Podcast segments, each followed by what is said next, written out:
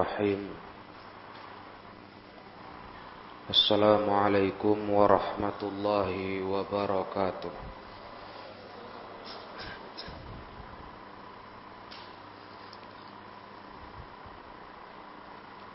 Innal hamdalillah wa nasta'inuhu wa nastaghfiruh ونعوذ بالله من شرور أنفسنا ومن سيئات أعمالنا من يهده الله فلا مضل له ومن يضلل فلا هادي له أشهد أن لا إله إلا الله وحده لا شريك له واشهد ان محمدا عبده ورسوله يا ايها الذين امنوا اتقوا الله حق تقاته ولا تموتن الا وانتم مسلمون يا ايها الناس اتقوا ربكم الذي خلقكم من نفس واحده وخلق منها زوجها وبث منهما رجالا كثيرا ونساء واتقوا الله الذي تساءلون به والأرحام إن الله كان عليكم رقيبا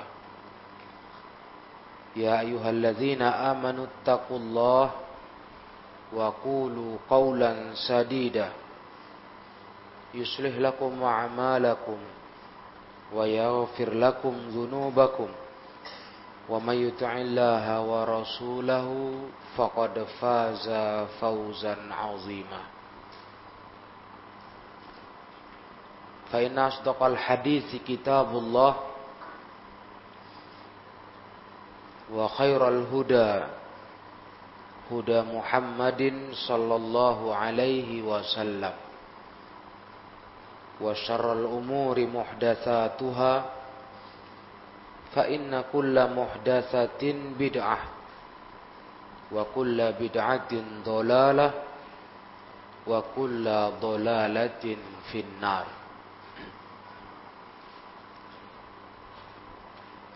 أما بعد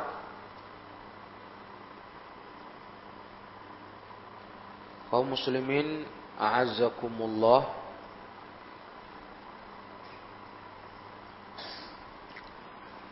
kita melanjutkan pelajaran tafsir surah At-Taubah.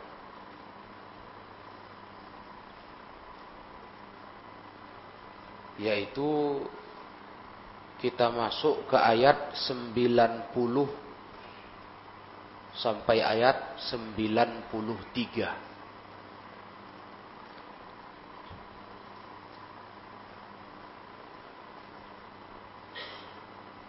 Dan kita masih membicarakan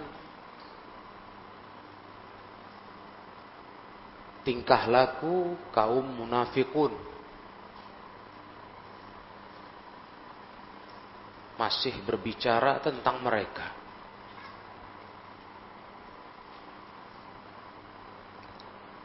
Allah Ta'ala berfirman Waja'al mu'azziruna minal a'rabi liyu'zana lahum wa qa'ada allazina kadzabullaha wa rasulah sayusibul ladzina kafaru minhum azabun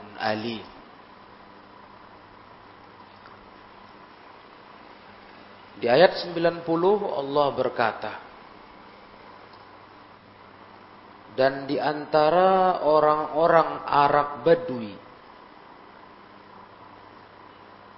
ada yang datang kepada Nabi menyampaikan alasannya untuk tidak ikut berperang. Agar Nabi memberikan izin untuk mereka datang menghadap Nabi menyampaikan alasan mereka tidak bisa berangkat perang. Sedangkan orang-orang yang mendustakan Allah dan Rasulnya hanya duduk-duduk saja, berdiam diri. Maka kata Allah, kelak orang-orang yang kafir di antara mereka akan merasakan azab yang pedih. Coba kita perhatikan ayat 90 dulu para ikhwah rahimakumullah. Kata Syekh As-Sa'di rahimahullah. Ai ja'alladzina tahawanu. Datang orang-orang yang mereka meremehkan mengecilkan urusan jihad wa qasaru minhum fil khuruji li ajli ayyudzana lahum fi tarkil jihad. Mereka merasa tidak penting untuk keluar ikut dengan Nabi. Ya. Maka mereka minta izin untuk tidak berangkat jihad. Tarkul jihad. Tidak ikut jihad ghairu mubalina fil i'tidari li jafaihim wa adami hayaihim. Mereka-mereka ini kata Syekh orang-orang Arabi, Badui para ikhwan.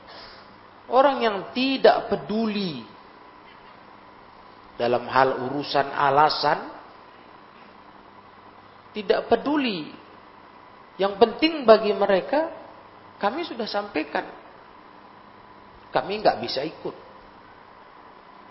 Kalau orang Arabi, mereka orang yang Java. Memang kaku, nggak punya etika dan tidak punya malu. Artinya kaum muslimin ikhwani fiddin. Di masa Rasulullah dulu ada orang-orang yang seperti ini. Datang ke Nabi menyampaikan alasan-alasan untuk tidak ikut perang. Tapi kalau itu orang Arabi, orang-orang Badui, orang-orang pegunungan istilahnya. Memang dikenal tidak beretika. Tidak malu maka yang seperti mereka ini dimaklumi. Ya orang yang tidak paham tentang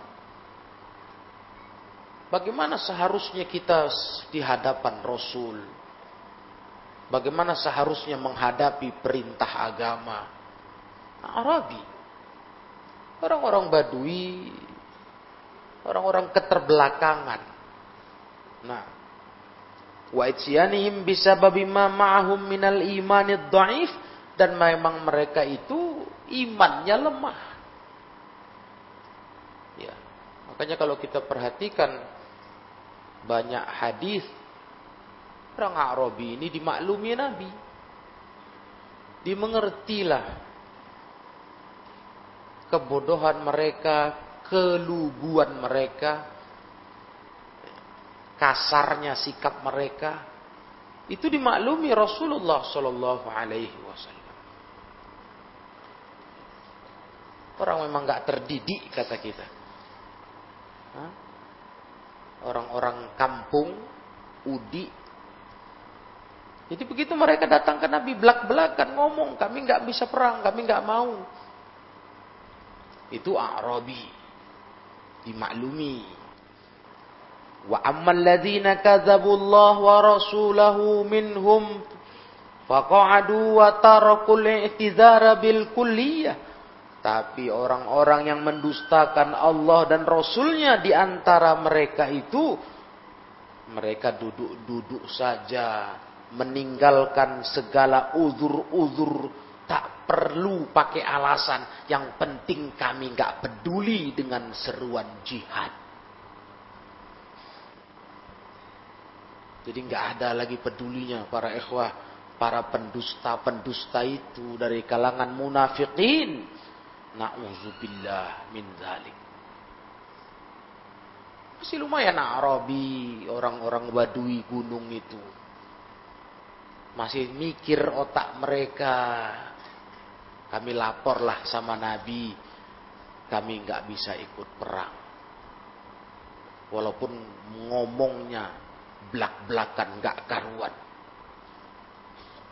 Para pendusta-pendusta agama, munafikun yang mendustakan Allah dan Rasulnya, malah tenang-tenang saja. Nggak ada sama sekali pedulinya untuk memberikan alasan kepada Nabi Shallallahu Alaihi Wasallam. Nah itu tafsir pertama. Tafsir kedua, wayahtamil ayya ay anna ma'na qawlihi al mu'azzirun ay alladzina lahum uzrun.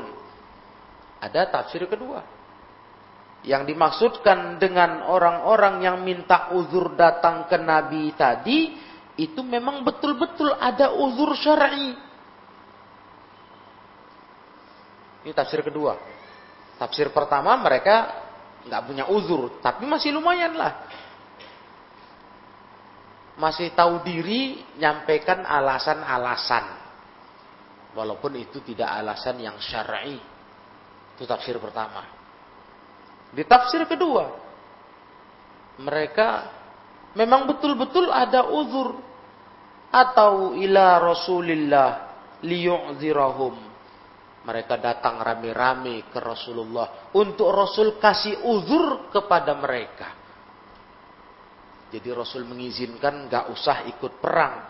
Wa min adatihi ayya'dharu man lahu uzrun. Dan kebiasaan Nabi selalu begitu. Nabi selalu memberi uzur orang yang minta uzur. Ya. Yang penting ada uzur, Nabi beri. Terserah dia mau jujur mau tidak. Jadi kalau tafsir kedua para ikhwah, orang Arab yang datang ke Nabi ini ya memang betul-betul ada uzurnya. Uzur yang memang bisa diterima oleh Rasulullah sallallahu alaihi wasallam. Sedangkan kaum munafikin ikhwah tak ada uzurnya. Bahkan nggak ngomong. Ini masalahnya. Nggak ngomong ke Nabi. Istilah kita setidaknya tahu segan lah. Pemimpin umat Islam mengajak perang. Panggilan jihad. Kok kalian nggak peduli. Santai-santai saja. Tanpa sedikit pun ngasih alasan nggak berangkat. Inilah jeleknya munafikun ikhwah. Berarti kalau kita lihat secara tidak langsung, ayat ini menunjukkan apa?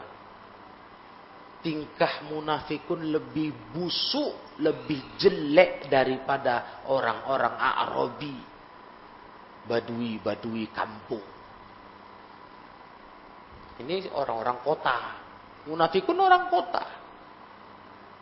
Orang-orang yang memang mereka merasa mulia, terdidik, berharta, kaya. Tapi ternyata etikanya nggak ada apa-apanya dibanding orang Arabi, orang-orang Badui, orang-orang gunung tadi. Masih ada tata keramanya, masih ada basa-basinya ngomong kepada Nabi Shallallahu Alaihi Wasallam. Kemudian para ikhwan yang dimuliakan Allah, wa qa'adal ladzina wa rasulah. Dan duduk orang-orang yang mendustakan Allah dan Rasulnya fi da'wahumul iman al-muqtadi lil khuruj wa adami amalihim bidzalik orang-orang yang mereka mendustakan Allah dan Rasulnya mereka duduk-duduk saja ma'asyiral ikhwah duduk berdiam Padahal ngaku beriman. Padahal mereka itu mestinya keluar ikut perang karena itulah konsekuensi keimanan. Betulkah beriman? Kalau betul, ayo keluar perang. Tapi kalau bicara luar biasa, kami orang beriman. Kami orang beriman. Tapi konsekuensi keimanan yang mestinya mendorong mereka keluar ikut perang, mereka tinggalkan. Tak diamalkannya konsekuensi keimanan tersebut. Kemudian Allah ancam mereka, "Tsumma tawa'adahum biqaulih sayusibul ladzina kafaru minhum azabun alim." Nanti kata Allah, Allah akan timpakan Allah akan timpakan kepada orang-orang kafir di antara mereka itu dengan azab yang pedih. Di dunia wal akhirah. Di dunia dan akhirat. Balasan orang-orang yang mendustakan Allah dan Rasulnya. Yang tidak mengikuti perintah Nabi adalah azab yang pedih. Itu janji Allah kepada orang-orang munafikun nanti Allah akan timpakan kepada mereka azab yang pedih. Kemudian Allah berfirman di ayat 91, "Laisa 'alad du'afa'i wala 'alal marda wala 'alal ladzina la yajiduna ma yunfikuna harajun idza nasahu lillahi wa rasulih ma 'alal muhsinina min sabil wallahu ghafurur rahim." Kata Allah berikutnya, tidak ada dosa walaupun tidak ikut berperang atas orang-orang lemah. Syariat Islam itu. Kalau hamba ini nggak sanggup, diberi keringanan. Nggak mampu betul untuk ikut perang, ya sudah nggak apa-apa. Masuk kategori orang-orang yang lemah. Maka orang-orang lemah itu tidak ada bagi mereka dosa. Ya. Begitu pula wala alal mardo orang-orang yang sakit. Gak sehat. Gak masalah, gak perang. Bukan perang itu sebuah siksa. Ya. Tidak boleh, tidak harus berangkat. Gak begitu. Ada uzur yang betul-betul uzur. Lemah, sakit, Begitu pula wala 'alal ladzina la yajiduna ma yunfikuna harajun. Tidak begitu pula orang-orang yang tidak memperoleh apa yang mereka infakkan. Ya, nggak ada modal mau ikut perang. Nggak cukup persenjataan, nggak ada biaya. Jadi nggak bisa berangkat. Ya sudah, para ikhwah, semua mereka itu tidak ada harajun, tidak ada dosa sepanjang idza nasahu lillahi wa rasulih betul-betul mereka berlaku ikhlas untuk Allah dan Rasulnya. Itu Islam ikhwah. Di Islam ini ketika kita mendapatkan perintah agama mendapatkan keharusan agama hukumnya bisa jatuh gugur kalau kita betul-betul punya uzur dalam hal jihad, uzurnya adalah ketidakmampuan. Tidak mampunya karena apa? Sakit. Apalagi yang selain sakit, tidak mampu memiliki pembiayaan. Tidak ada biaya. Dan banyak lagi para ikhwah. Kalau betul memang uzur syar'i, tidak dosa Iya, tidak ada masalah. Kan begitu. Tapi kaum munafikin selalu cari alasan. Mereka lebih tak beretika daripada badui. Cari alasan terus. Masya Allah. Padahal kondisi mereka orang yang memenuhi syarat jihad. Cukup syarat jihad. Mereka nggak peduli. Yang penting kami nggak mau berangkat. Inilah jeleknya tingkah munafikin di masa dulu. Nah, kemudian para ikhwah, ma'alal muhsinina min sabil, wallahu ghafurur rahim. Gak ada alasan untuk menyalahkan orang-orang beriman. Kalau orang beriman yang memang ada uzur, ya nggak bisa dipersalahkan. Jangan terus dikatakan, ah itu nggak berangkat. Itu tinggal di rumah, jangan begitu. Ikhwah.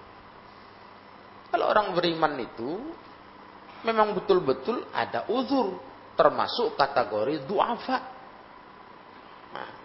lemah, mungkin faktor usia, ya, mungkin karena sakit, mungkin karena tak mampu biaya perang. Tidak bisa dipersalahkan kalau itu. Jangan dijadikan alasan untuk membenarkan tingkah orang-orang yang gak punya uzur tapi tak mau berperang.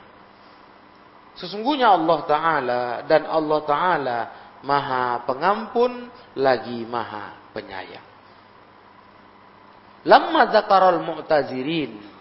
Ketika Allah menyebutkan orang yang minta uzur. Wakanu ala kismaini. Ada dua golongan yang minta uzur. Gak ikut perang waktu itu. Kismun ma'zurun fi syar'i. Wa kismun ghairu ma'zurun Golongan pertama, golongan yang mereka mendapatkan uzur. Ya, mendapatkan uzur secara syariat. Nah, kalau ini selesai sudah. Memang nggak masalah. Nah, Allah Ta'ala yang memberi jaminan. La yukallifullahu nafsan illa usaha. Itu aturan Islam. Nggak dibebani satu jiwa kecuali kemampuannya ada untuk beramal. Kalau nggak mampu ya nggak masalah. Itu namanya orang punya uzur syar'i. Itu golongan pertama. Dan golongan kedua, ghairu ma'zur. Yang sebetulnya tidak punya uzur. Nggak bisa diberi uzur. Kalaupun ngasih alasan, nggak masuk kategori yang dikasih uzur. Nah, ini golongan kedua.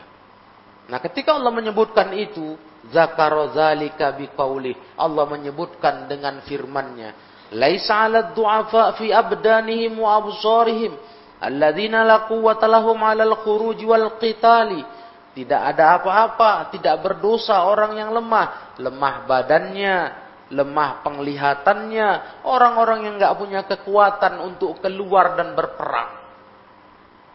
Memang memang uzur lah ikhwan lemah. Ini pertama, duafa di sini, lemah badan, lemah penglihatan, ya, nggak punya kekuatan. Kemudian wala alal marda, begitu pula tidak pula orang yang sakit. Sakit di sini kata Syekh, wahada syamilun li jami anwa'il marad, mencakup semua jenis sakit.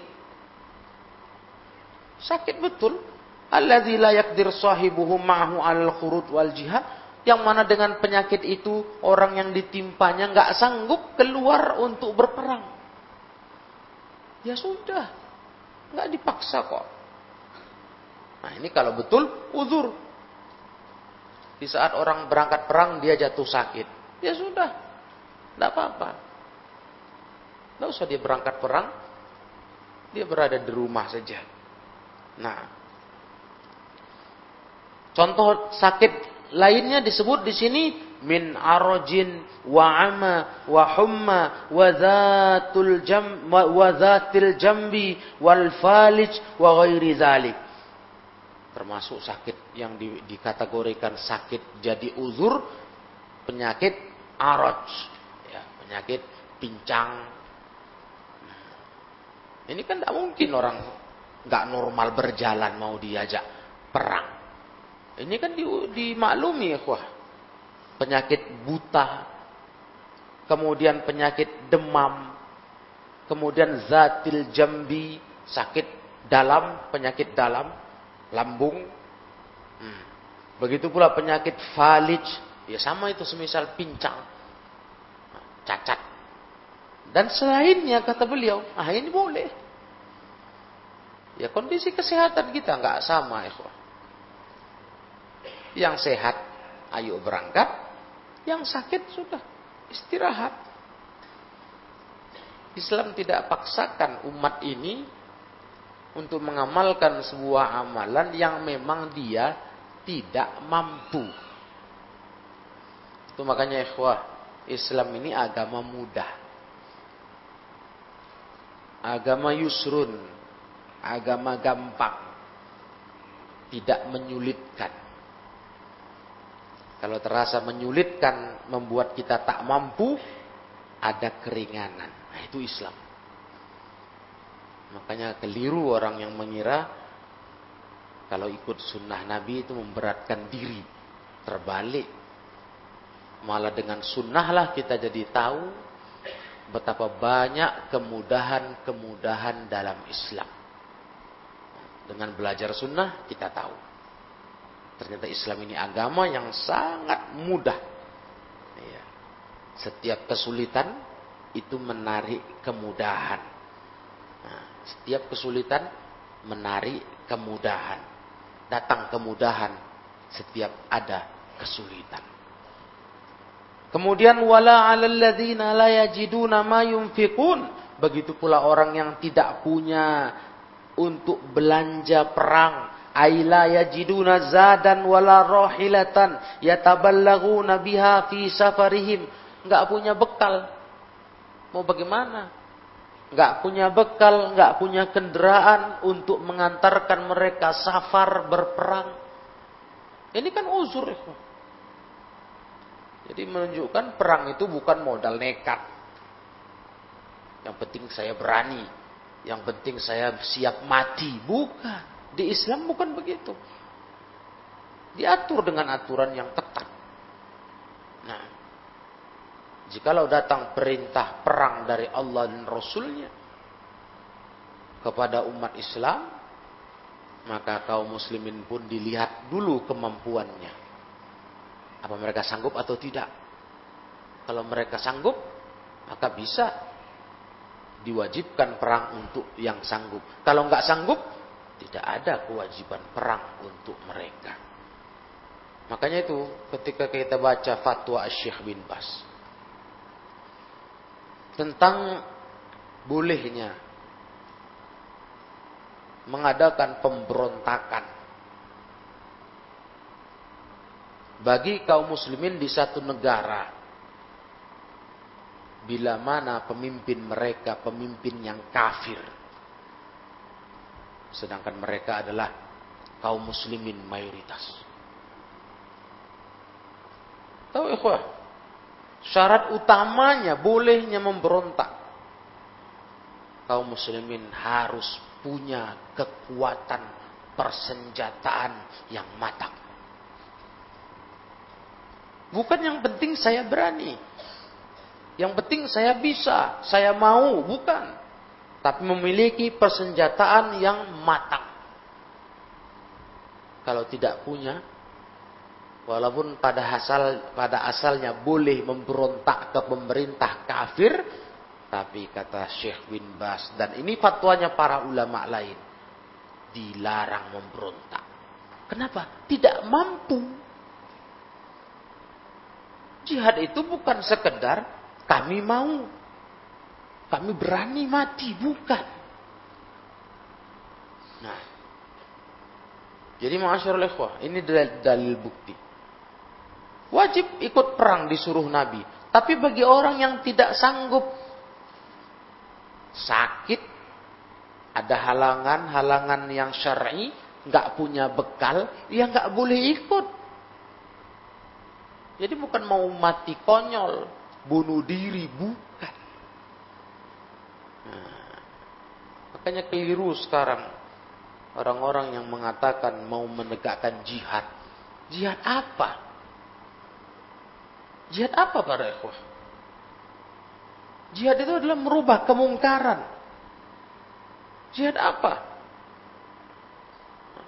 Kalau dalam keadaan mereka tidak punya kemampuan, ditambah tidak adanya dalil-dalil yang sahih yang menunjukkan dibenarkannya jihad di masa saat ini.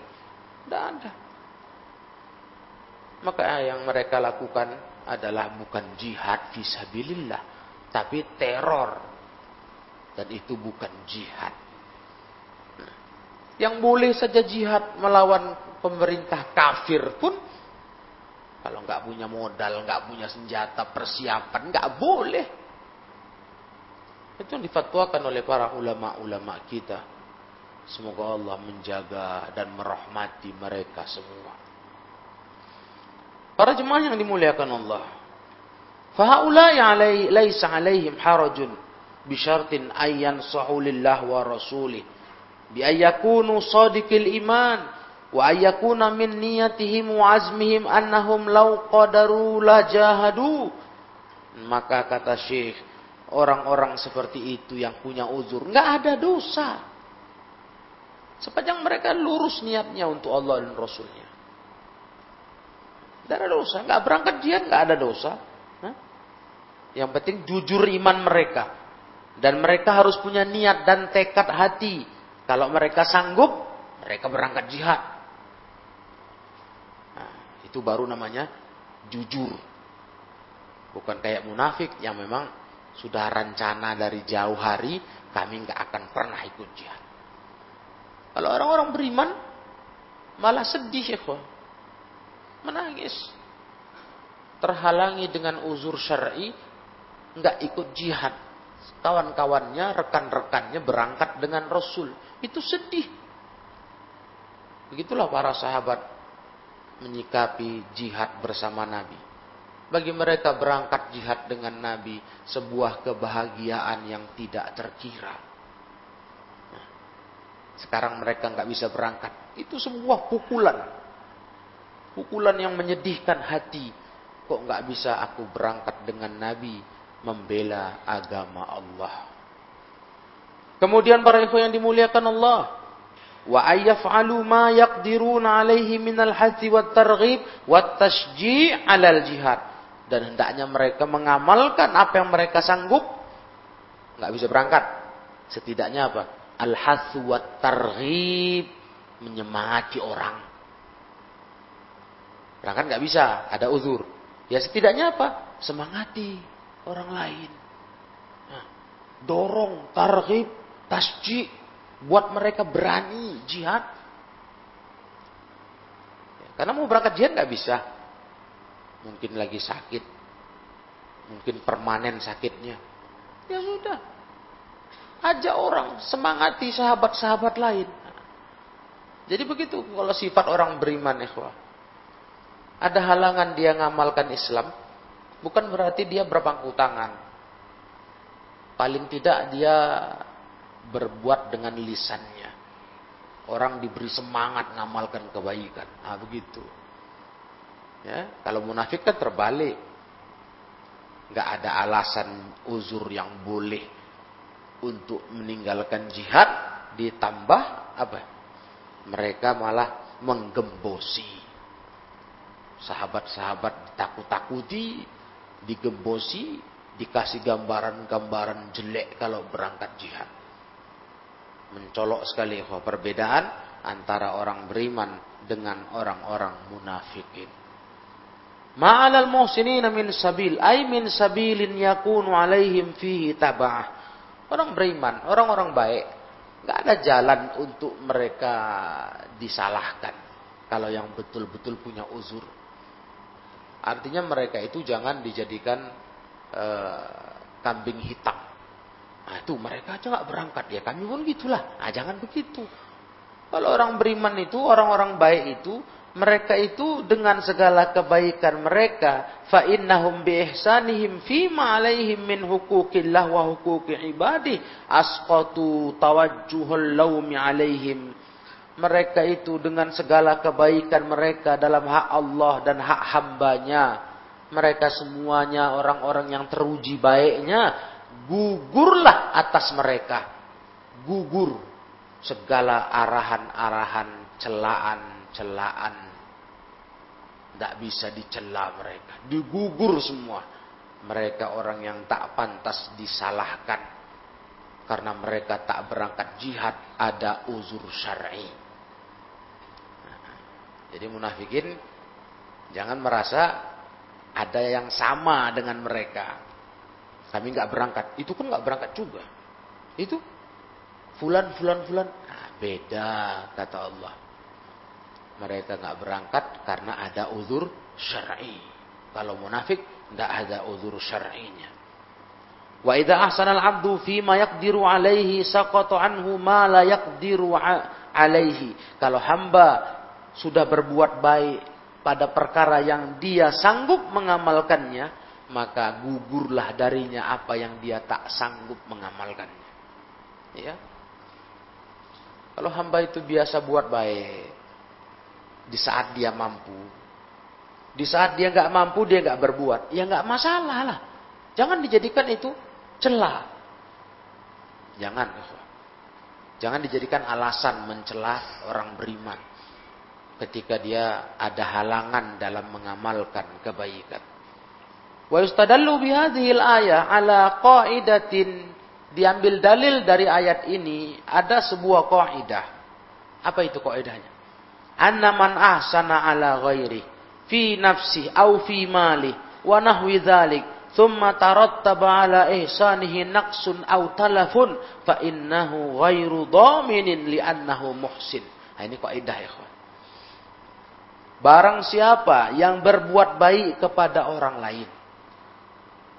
Berbuat baik kepada dirinya atau pada hartanya. Yang intinya dia memang orang yang terkenal baik lah begitu. Sama orang bagus. Ngurus diri bagus. Masalah harta bagus. Baiklah dia itu. Nah, kemudian tahu-tahu dalam jalan kebaikannya muncul naksun au talafun. Ada kekurangan. Ada kekurangan, ada kegagalan. Ada. Bagaimana ini? Ini orang baik memang. Tahu-tahu di jalan kebaikannya kita dapati ada kekurangan, ada cacat pada dia. Maka dia tidak dijamin, tidak dijaminkan kepadanya apa yang dia kurang atas perbuatannya. Kalau kita ambil contoh begini, kok. orang yang biasa terkenal bagus, terkenal baik bertetangga, baik bermuamalah, bagus bergaul. Tahu-tahu para ikhwah ada satu kejadian dia merusak barang orang lain. Yang dia dikenal orang baik. Nah, tahu-tahu dia merusak barang orang lain. Yang kalau melihat pribadi orang ini, ini bukan orang yang merusak. Sama orang baik. Nah, bagaimana ini? Kata kata kaedah ini dia tidak dijamin, dijaminkan. Artinya dia nggak ditentukan sebagai orang yang mengganti rugi. Tidak domin, penjamin atas kesalahan itu. Karena dia dikenal orang baik. Jadi dimaafkan gitu loh. Nah, ini kaidah. Diberikan maaf kepadanya. Masya Allah. Dan ini memang para ikhwah yang dirahmati Allah. Kalau kita perhatikan e, nasihat-nasihat ulama salaf begitu. Yang saya pernah bacakan ke ikhwah. Ucapan ulama salaf, "Idza ghalabat mahasinur rajul ala masawihi lam tuzkaril masawi." Kalau lebih dominan salah uh, baik seseorang dibanding salahnya, lebih dominan. Kita kenal dia karakternya orang baik. Tapi namanya manusia kan pasti punya salah. Dominan yang mendominan mendominasi pada perbuatan orang itu kebaikan. Maka kata ulama tidak disebutkan salahnya. Bukan berarti nggak dianggap salah, tapi nggak dipandang, nggak jadi tolak ukur kesalahan dia. Karena dia dikenal orang baik. Begitu. Nah, jangan malah kebalikannya kata Imam Syabi. Imam Syabi pernah memberikan nasihat. Kalau kita berhadapan dengan orang bodoh, orang kurang akal. Jikalau engkau melakukan 99 kebaikan, tahu-tahu kau tergelincir dengan satu kesalahan. Orang bodoh ini akan melupakan 99 kebaikanmu yang diingatnya satu kesalahanmu saja. Ini orang bodoh. Kalau orang pintar nggak begitu mestinya ya Yang dia pandang adalah 99 kebaikan itu bukan satu keburukan yang jatuh orang baik itu kepadanya. Begitu. Nah, inilah dia kaidahnya para ikhwah yang mulia. Wala sabilun wala sabila 'alal muhsinin, enggak ada jalan untuk menjelekkan orang-orang baik. Ya. Maka dimaafkan ketergelinciran orang baik itu begitu. Dimaafkan, itu mestinya karena memandang besarnya kebaikan-kebaikan orang tersebut. Kama annahu yadullu ala anna ghairal muhsin wa huwal musikal mufrid anna alaihi dhaman. Sebagaimana yang sebagaimana yang ditunjukkan bahwa orang yang tidak baik, orang jahat sebagaimana orang yang mufrid melampaui batas. Nah, kalau orang seperti itu, ya jika dia buat kesalahan, dia harus menjamin itu ganti ruginya. Iya. Dia harus domin, doman. Nggak bisa dia minta maaf. Oh, jangan saya saya jangan di, di, dituntut. Hah?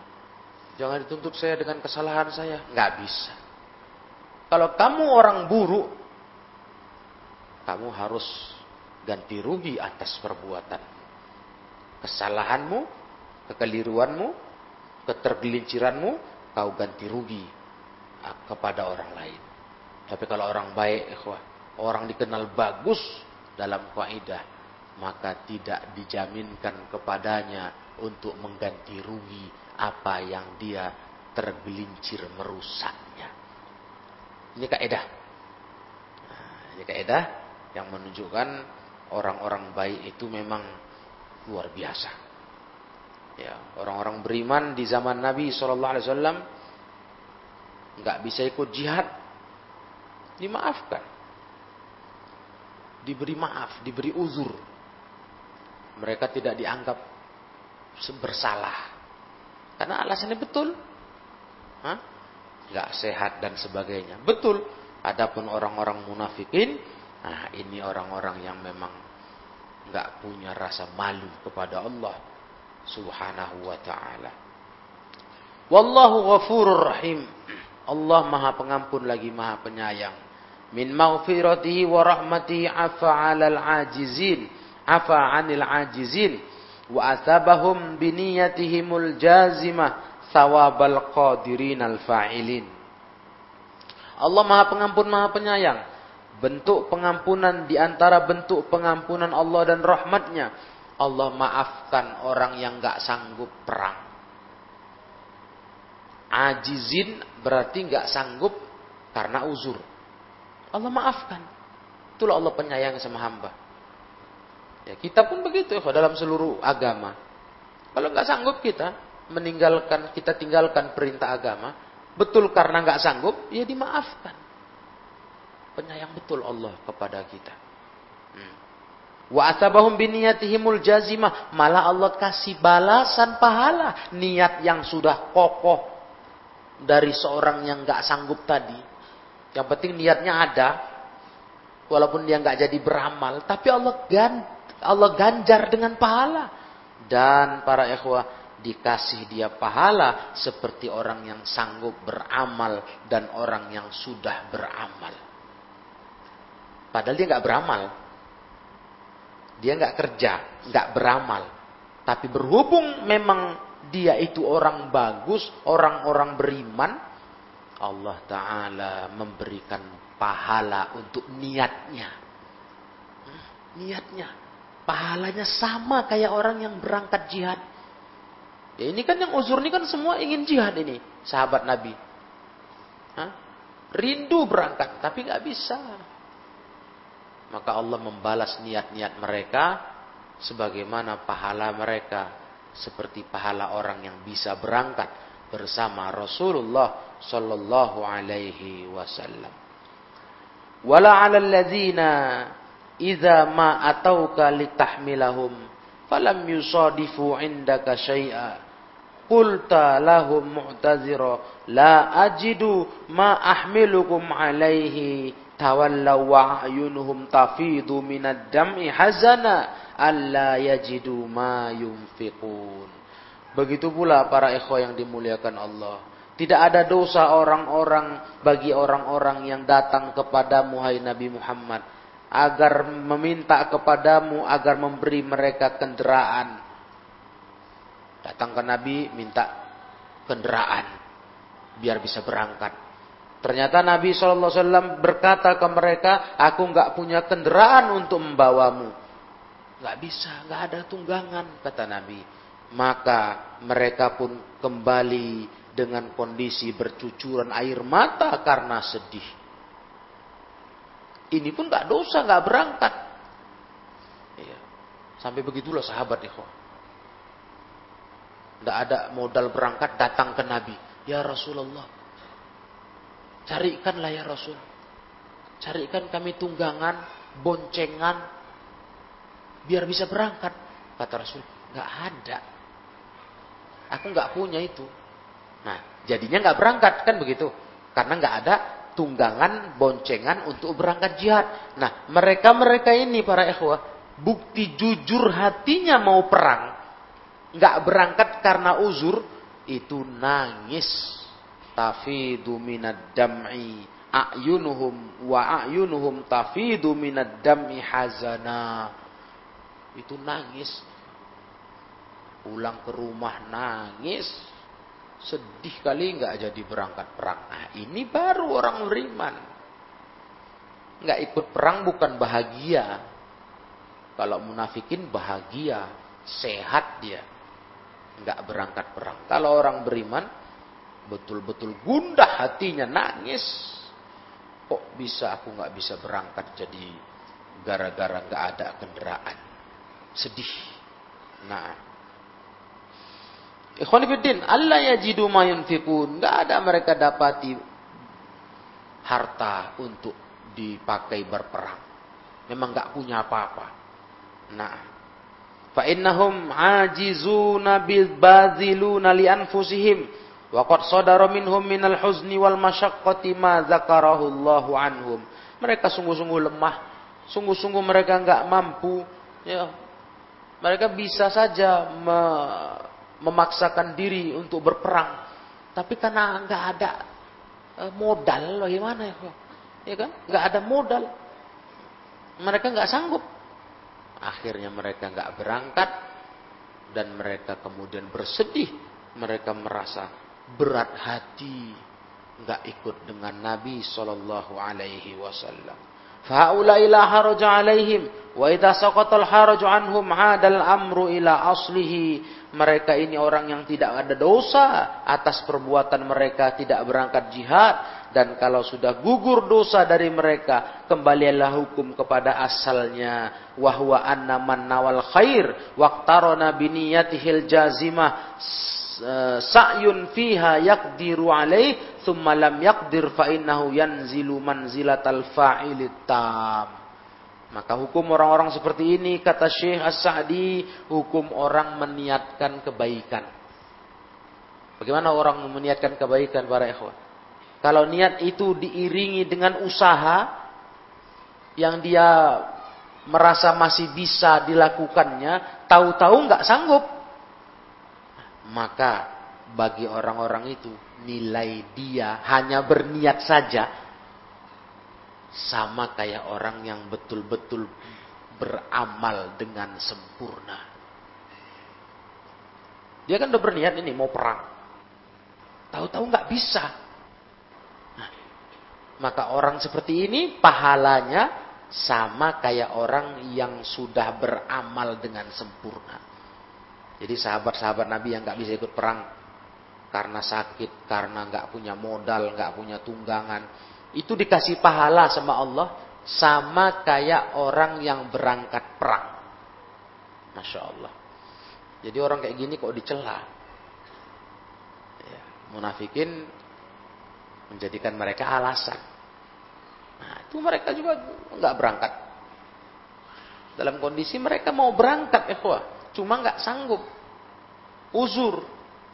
Nah, mereka dikasih Allah pahala kayak mana orang yang berangkat dengan Rasul. Masya Allah. Itulah nikmatnya niat yang baik yang kita pasang dalam hati kita. Andai kata kita tak sanggup mengamalkannya, maka kita tetap diberi ganjaran pahala sempurna oleh Allah Subhanahu wa taala.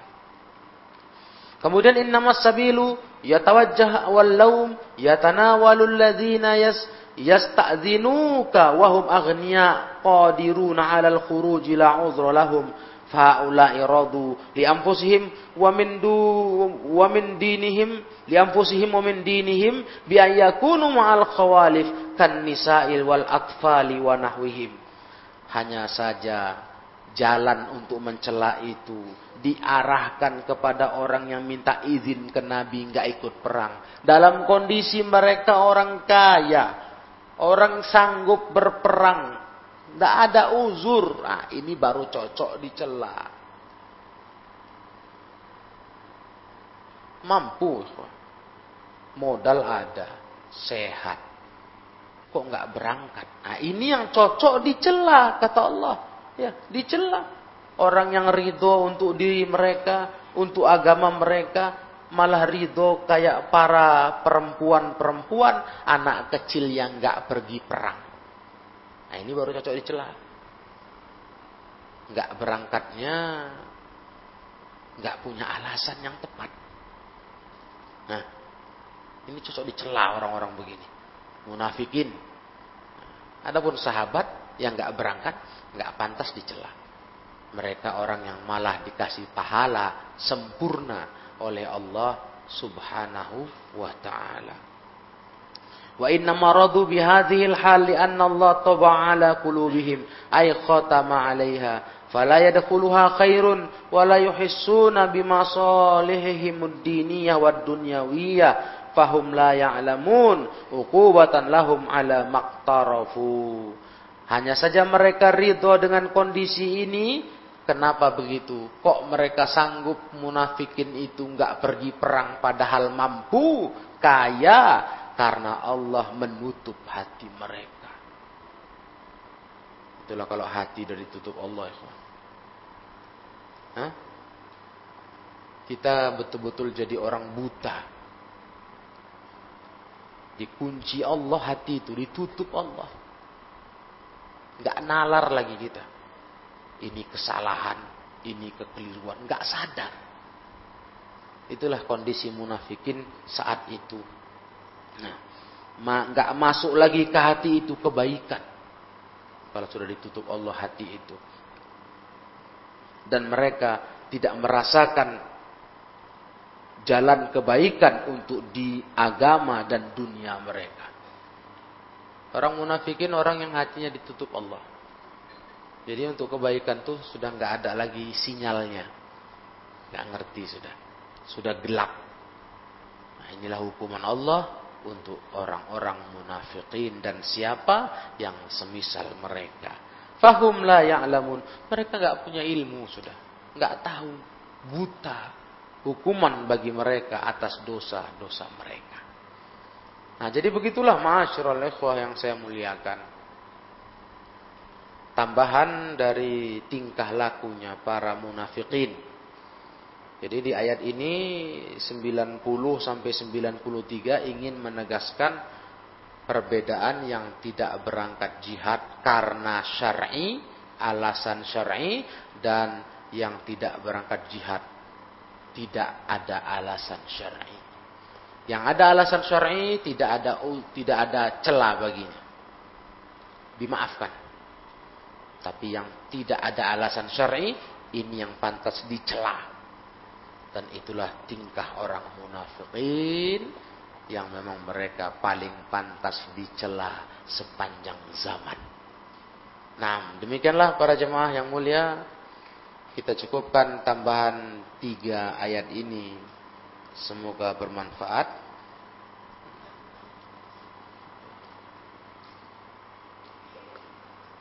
Iya, tiga, empat ayat berarti ya. 90, 91, 92 dan 93. Nah, wallahu alam bissawab wa akhiru da'wana anil rabbil alamin.